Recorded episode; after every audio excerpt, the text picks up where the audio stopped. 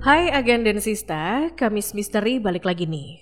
Pastinya dengan cerita-cerita misteri yang tadinya Agan Sista belum tahu, hari ini gue bakal ngebahas mengenai cerita mengerikan, yaitu asal-usul hantu-hantu seram di Indonesia. Dan thread ini ditulis oleh Mawean. Selamat datang di Kamis Misteri.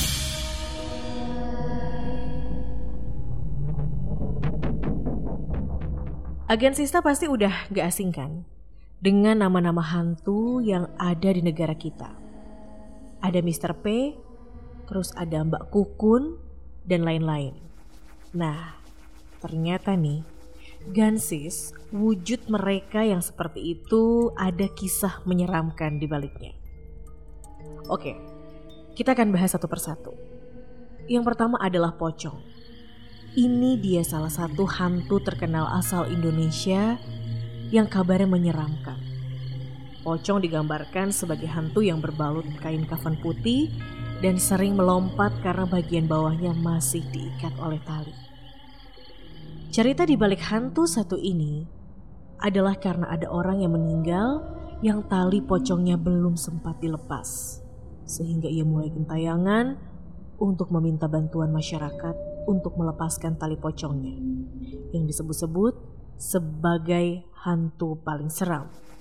Pocong biasanya digambarkan menghuni kuburan dan pohon pisang yang sangat terimbun. Kemudian ada hantu jeruk purut. Gue tahu bahwa di Indonesia ada hantu kayak gini pas dulu tahun 2006-an. Saat kita nonton filmnya kan, Gensis? Nah, ternyata Awal kisah dari hantu ini adalah dimulai dari kisah seorang penjaga TPU Jeruk Purut yang melihat hantu pastur tanpa kepala dengan anjingnya. Kisah ini sudah terkenal sejak tahun 1986 lalu. Kalau agen Sista masih penasaran juga dan ingin menemukan hantu tanpa kepala ini, Gansis coba datengin TPU Jeruk Purut tepat pada waktunya, yakni pada malam Jumat tengah malam dan datang sendirian atau bersama orang lain. Namun jumlahnya harus ganjil. Ih, kalau gue gak mau deh, walaupun rame-rame juga ya. Terus ada juga hantu yang namanya Kuyang.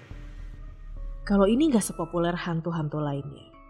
Kalau Gansis belum tahu wujudnya, Kuyang ini merupakan hantu penghisap darah dengan penampakan hanya kepala perempuan dengan organ-organ tubuh yang bergelantungan. Kabarnya Kuyang adalah hantu yang suka menghisap darah ibu yang baru saja melahirkan atau janin yang masih ada dalam kandungan.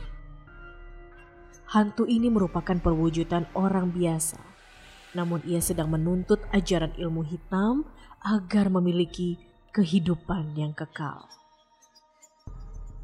Selanjutnya yang akan gua bahas adalah genderuwo. Genderuwo ini digambarkan sebagai makhluk bertubuh besar, berbulu lebat, dan yang pasti menyeramkan. Asal-usul dari genderuwo ini adalah istilah asli dari bahasa Kawi, yaitu Gandarwa di dalam cerita rakyat Indonesia seperti cerita Lutung Kasarung dari daerah Sunda, Gendarwa ini merupakan dewa yang karena berbuat kesalahan kemudian dikutuk untuk turun ke bumi sebagai makhluk buruk rupa. Menurut orang-orang yang memiliki kekuatan supernatural, Genderuwo ini sangat menggemari tempat seperti bangunan tua, batu berair, pohon besar yang teduh, atau sudut yang lembab dan sepi.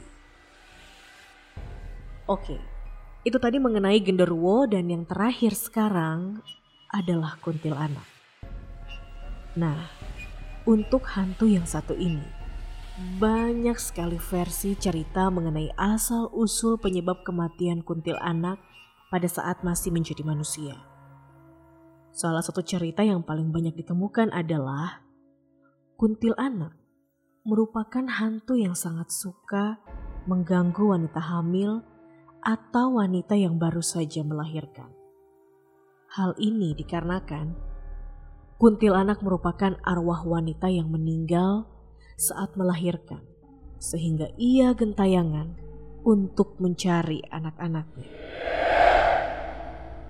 Nah, itu dia Agan dan Sista cerita asal mula hantu-hantu yang ada di Indonesia. Oke, sekarang saatnya gue harus pamit dan sampai jumpa di minggu depan ya. Pastinya dengan cerita-cerita menyeramkan lainnya di Kamis Misteri. Penasaran dengan cerita misteri menegangkan lainnya? Buka forum stories from the heart Kaskus sekarang.